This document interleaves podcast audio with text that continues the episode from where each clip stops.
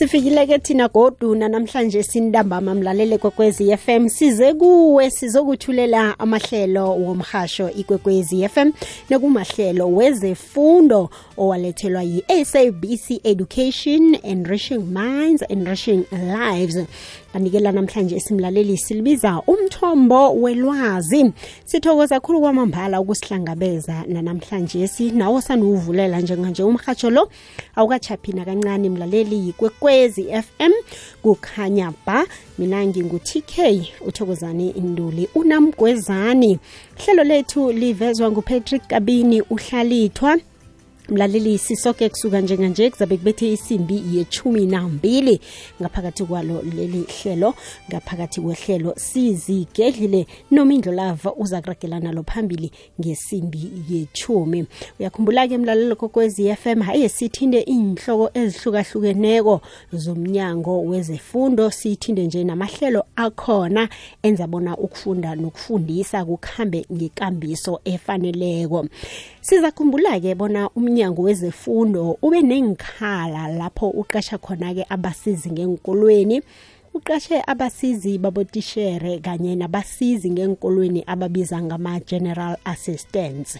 Njeke ehlelweni lethu lanamhlanje sike sizokuthola ihlathululo engeneleleko mlaleli bona soloko leli hlelo lathoma ukuya ngama-faces kukhamba bunjani bekufike la ku-face 4 sizorakela phambili-ke siqale bona pheze lokhu ebebafuna-ke ukuzuza ngayo i-presidential youth employment initiative le bakuzuzile na bayakufumana na?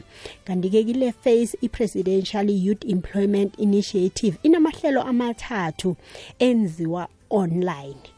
Sizawatshetsha-ke nawo mlaleli bona-ke asebenze bunjani nokuthi asebenza njani bekube ngalesi sikhathi eh sicaleke eh nokuhlukahlukeneko mayelana ke nayo i-online le. Kanti ke godi ke esiza kuqala ukuthi ke bayisusela kuphi ke yona ke eh kusukela nje ukuya phambili kwenzakalani. Ngabe mhlambe ke eh kuphelile ke ngalo leli hlelo nanyana lisaza kuragwa eh ukuya phambili ke ngokuhamba kwesikhathi. Konke lokhu mlalelo kokwezi FM kuzokuzwakala ngaphakathi kwaleli hlelo. Umthombo welwazi emtatweni nginesithekeli la ubaba usolwako mahlangu oyi-project manager yayo i-presidential youth employment initiative. Mlaleli kuzokuthi kusenjalo-ke ngokuhamba kwesikhathi nawe sizokuphithuba ukhulumisane nathi nangabe unombuzo nanyana umbono. Ngesihloko sanamhlanje sike ukhumbule ezimbili indlela othintana nathi ngazo. Usidosela umtato nanyana ugadangise iphimbo lakho lapha ku-whatsapp. Inomboro yethu yomtato la usithola khona ithi 086 0003278 ngiyayibuyelela ithi 086 0003278 lapha-ke ku-whatsapp gadangisa iphimbo ku-079 413 2172 bamahlangu ngiyakwamukela ngiyakulweshisa emhashweni kwekwezi fm nivukile. Uh, akhulu uh, tk ngiyathokoza sivukile. Ngiyathokoza nokwamukelwa. Ngilothisa nabalaleli siyaphiwa ahake nathi sithokoze njengesikhathi sakho ukuzokhulumisana nathi-ke emhashini kwekwezi fm ngalesi sikhathi sobusuku ehlelweni lezefundo umthombo welwazi. Babamahlangu namhlanje sikhuluma nge-youth um nge-presidential youth employment initiative ake nje-ke sithome ngokuthi sihlathulule kho sikhumbuze konje iyini nje ne-background yayo?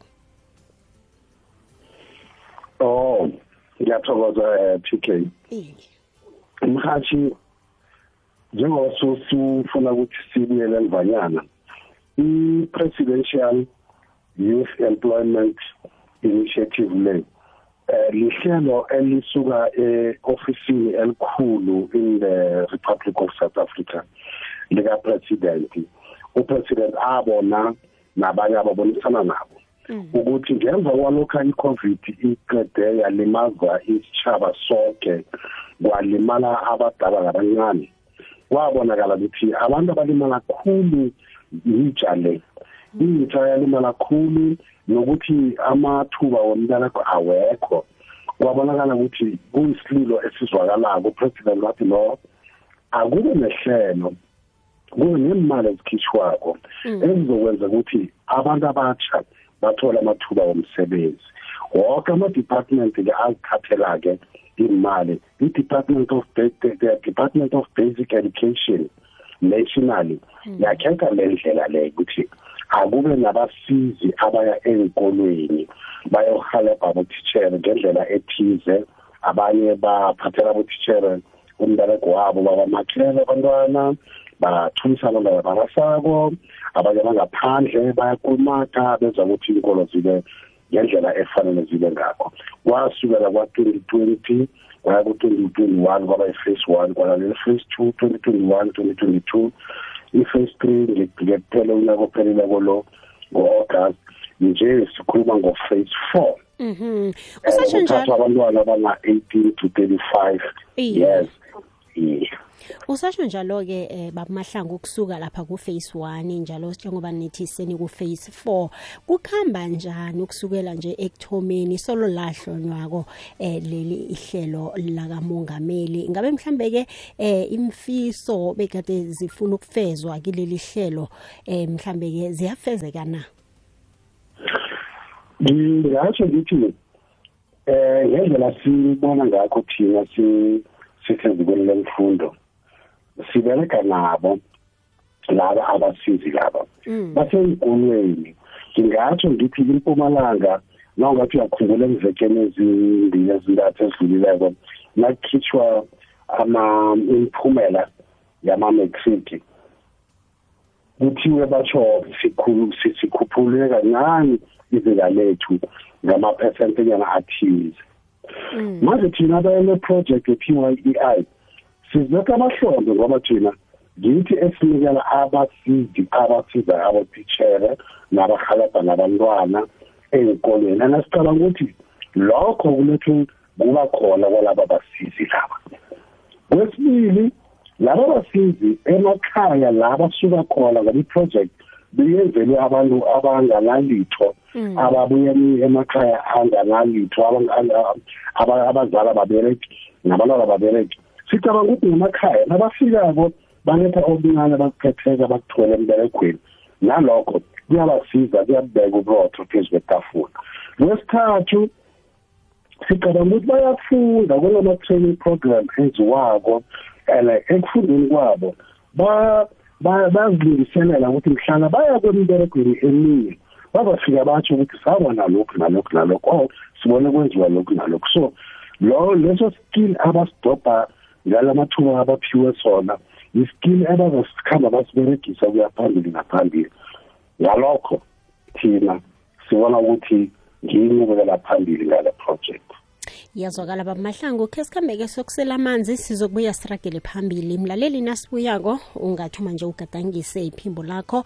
Ivuliwe i-whatsapp ivuliwe nemtato ungathoma ugadangise. Nangabe unombuzo nanyana umbono ngendaba esiyiphetheko le siyabuya. Inyanga yethando ingiyelo lonke ithando. Iye i-valentines nethando labaseduze kwakho kodwana godu ingeyesithanda usitsheje wakhe ubuhlobo nethando lemindeni.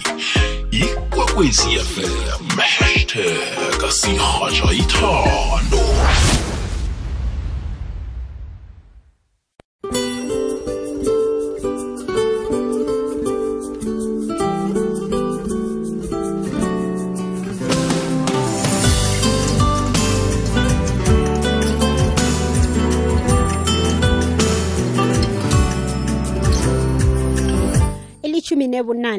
sorriso imizuzu ngaphambi nakubethe isimbi yechumi. Ulalela umhasho ikwekwezi fm kukhanya bahle. Zinami utk nduli unamgwezani ngaphakathi kwehlelo lezefundo umthombo welwazi.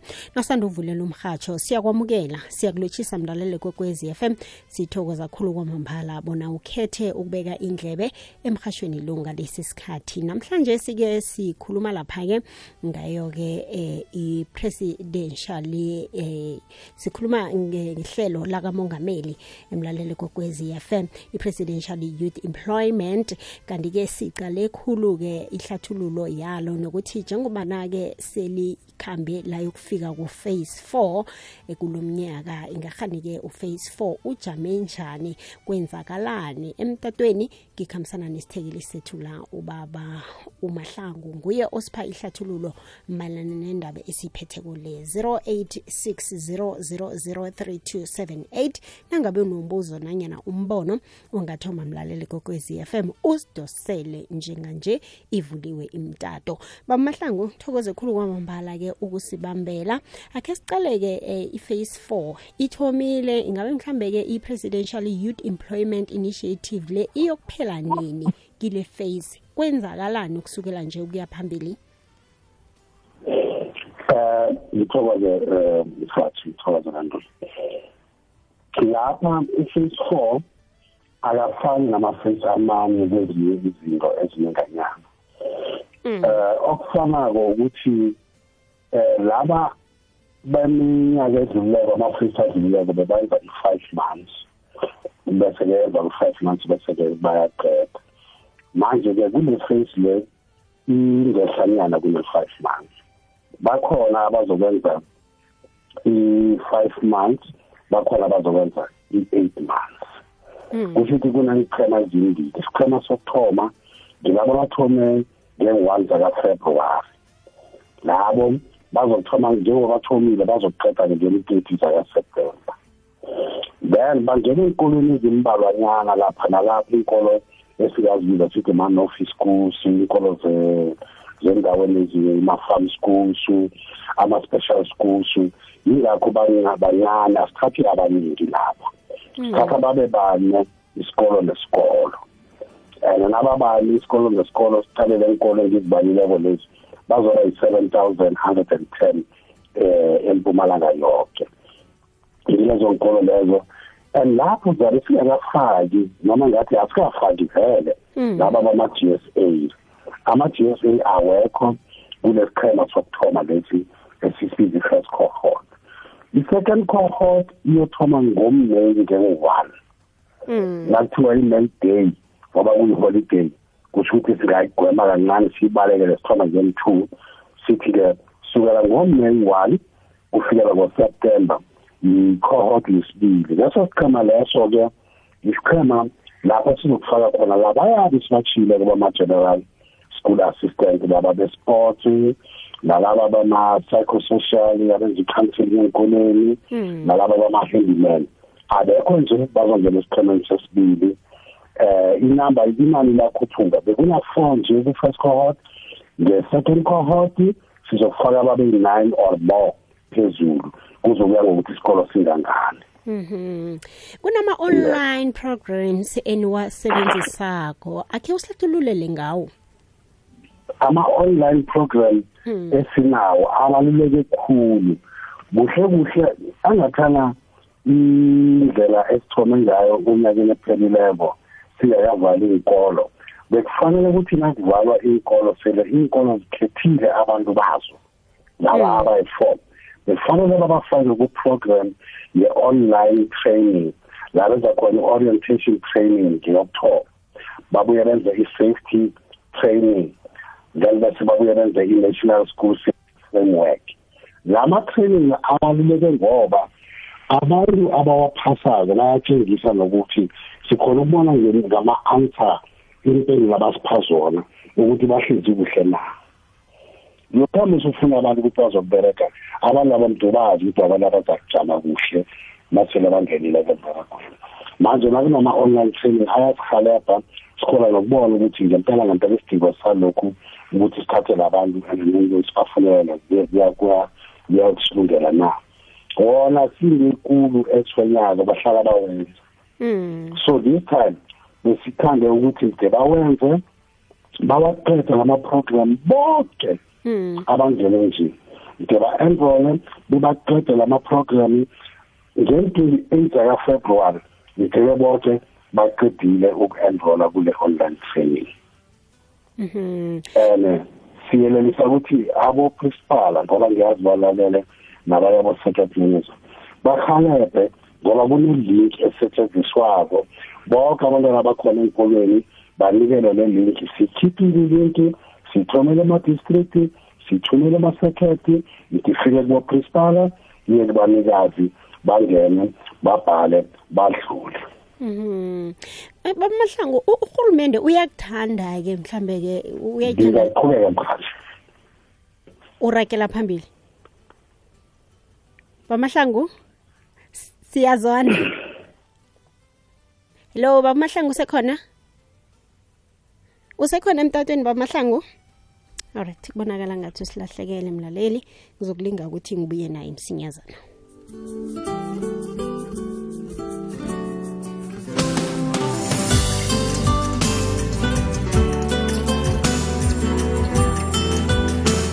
Ikwekwezi FM kukhanya baba. Bamahlangu? Hello? Bamahlangu sekhona ikwekwezi FM kukhanya bha lithoba kwaphela imizuzu eseleko ngaphambi bona kubethe isimbi yechumi ngesimbi yechumi siyalisonga ihlelo lethu mlaleli kwekwezi FM umindlo lava uzaragela phambili nehlelo sizigedlile bekubethe isimbi yechumi nambili ebusuku namhlanje. Si njenganje usesenami uTK Nduli unamgwezani ngikhambisana ke nobaba usolwako mahlangu. La sitsheje khona ke indaba eqhakatheke khulu kwamambala i-presidential youth employment initiative. Na usanda ukungena malaleli siyakwamukela. Nangabe unombuzo ungathoma njenganje usidosele ku-086 000 3278 kanti kuwe ku-whatsapp ugadangisa iphimbo ku-079 413 2172 ngisaninga ke nokho ukuthi ngivule i-whatsapp yami mlaleli. Ngiba ukuthi ungapheli ihliziyo ngapho nawe ugadangise ngizayitsheja nakanjani i-whatsapp yakho. Bamahlangu ngiyathemba ukuthi sikutholile kho angathi uyasilahlekela sazi ukuthi bekwenzakalani. Iye mkhathi nami. Ngizwe seng- sengikhuluma ngedwa. Um ngithi ngiyakusearcha ngombuzonyana omncane ngithole ukuthi awa. Um ngikucadelele-ke bengikhuluma ngendaba iye. yama-online lawa afanele enziwe. Bengiyelelisa bonke laba abakhona abangenileko ehlelweni leli ukuthi mde bawenze ngemntwini february sikwazi ukuthi siba- singabavaleli ngaphandle bonke bangene. Okwesibili eh besithanda ukuthi bazi nokuthi basazoku sisazokwenza ukuthi sibiza ukuthi i-screening. I-screening lesi siyenziwa musilokhu umuntu azokungena endaweni yokubereka ngimcheck umuntu lo ukuthi kurehe na ujame kuhle na. Jalo ey'kolweni kunabantwana abancane. And ngaphandla um tk yes sesesoke bamahlangu ya ungaragela phambili ngisathi ngiya-check-a iye ngaphandla kunabantu abenza izinto ezingasileko ezingazirehe abanye bathuwelele umuntu wakhona wayenza usaqhubeka nokuyenza manje-ke uma singaskrini siverifye sibone ukuthi umuntu akana-record mhlambe lapha lama-child sex njenge-child sex offender. Nasingakwenzi lokho sothatha ama-sex offenders child sex offenders siwafake ey'nkolweni zethu. Sofaka ama-criminali ey'nkolweni zethu. Manje-ke nama-screening la akhona aboprincipal abayawazi. Mde benze sure ukuthi bayascreena labasizi laba abakhona. Laba be-ecada nabo esithe kufuneka ukuthi babe ne-certificate noma i-ITC le izinto lezi ze- ze- ze-technology. Kube bayiphasile mhlawumbe nge-cat esikoleni kwa-matric. Nakangana-cat matric mdibe uyenzile somewhere when college. Onganayo kusho ngama amagama kofuthi uprincipal asisize asitholele net abantu aba-qualified ngoba asifuna ukufundisa abantwana into eh, engasekiyo so-ke i-screening ama-ecada screening ama-um record of the child sex offenders ama-criminal records nokhunye nama-matric results lanawo musi sowa-check-a mhathi nabantu abaziphindaphindako abanye siyazi ukuthi aboprincipal nebo-s g b babafihlile khe bangabalethi abakhe babakhona and siyazi babafihlile ngifuna ubatshela-ke ukuthi sizobathola. And nasibatholako bangathi siyabalwisa.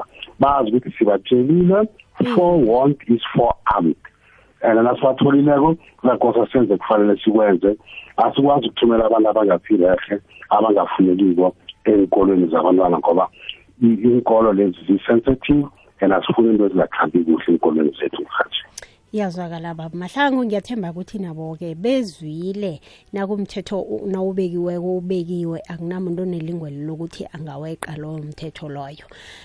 Njenganje imzuzu imhlanu ngaphambana kubethe isimbi yechumi mlalele kokwezi FM sidosela ku-086 000 3278 inomboro yethu yomtato leyo.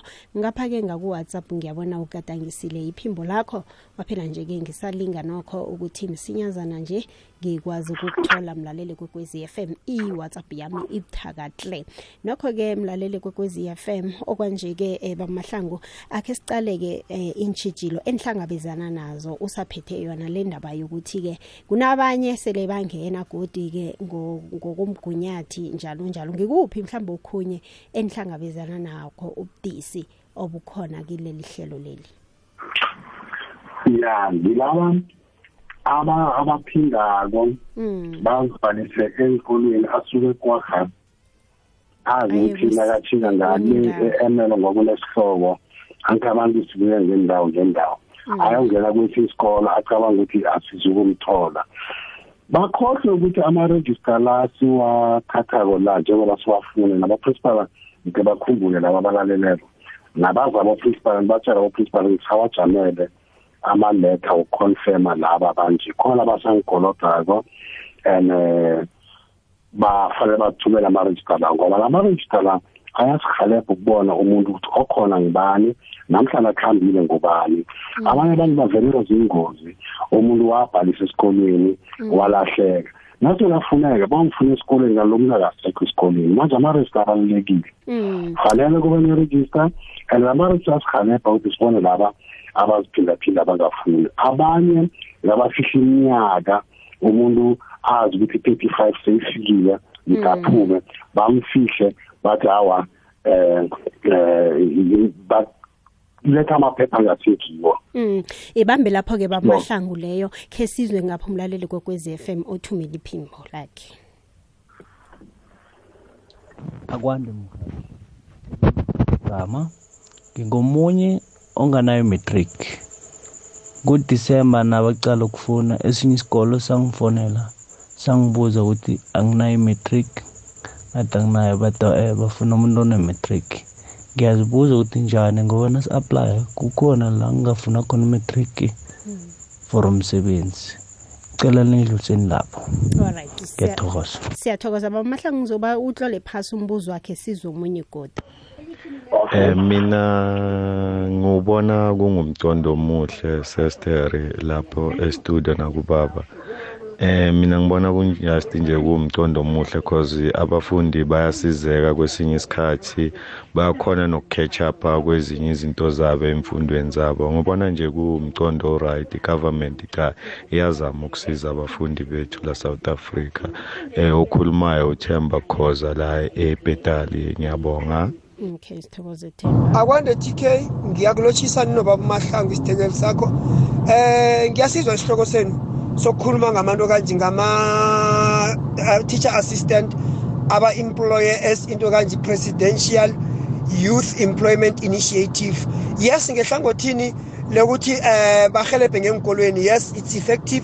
Because it contributed positively towards i-increment ye-pass rate ama-grade 12 learners. Mara when it comes to indaba yento kanje ye-employment ye-youth is just a waste of time.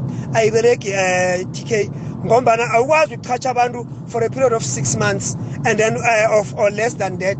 Then ngemva kwalokho umberego uphelile then ibahelebha ngani? Namakhono abathi babanikeza wona lawo ayobahelebha ngani kuya phambili? Because akusisizinto oza kuthi umuntu nakachatshwako in the long run izamhelebha let them create ama-teacher assistant kube ma-permanent positions. Bakwazi ukuchatsha i-youth bese bayabatraina as ama-teacher assistant. Bazi ukuthi nabachatshiweko bachotshwe unomphela. Then that will work in terms of ucreata imibereko for abantu abatsha. Ngiyathokoza ngupuleng bahula Puleng siyathokoza i-WhatsApp voice note yakho vele besivala ngayo. Bamahlangu ungathanda ukuthini isithoma nje ke ngombuzo loya wokuthoma walo bekabuza nge-matric ukuthi bona kanti bavalelwa ngaphandle na noma njani?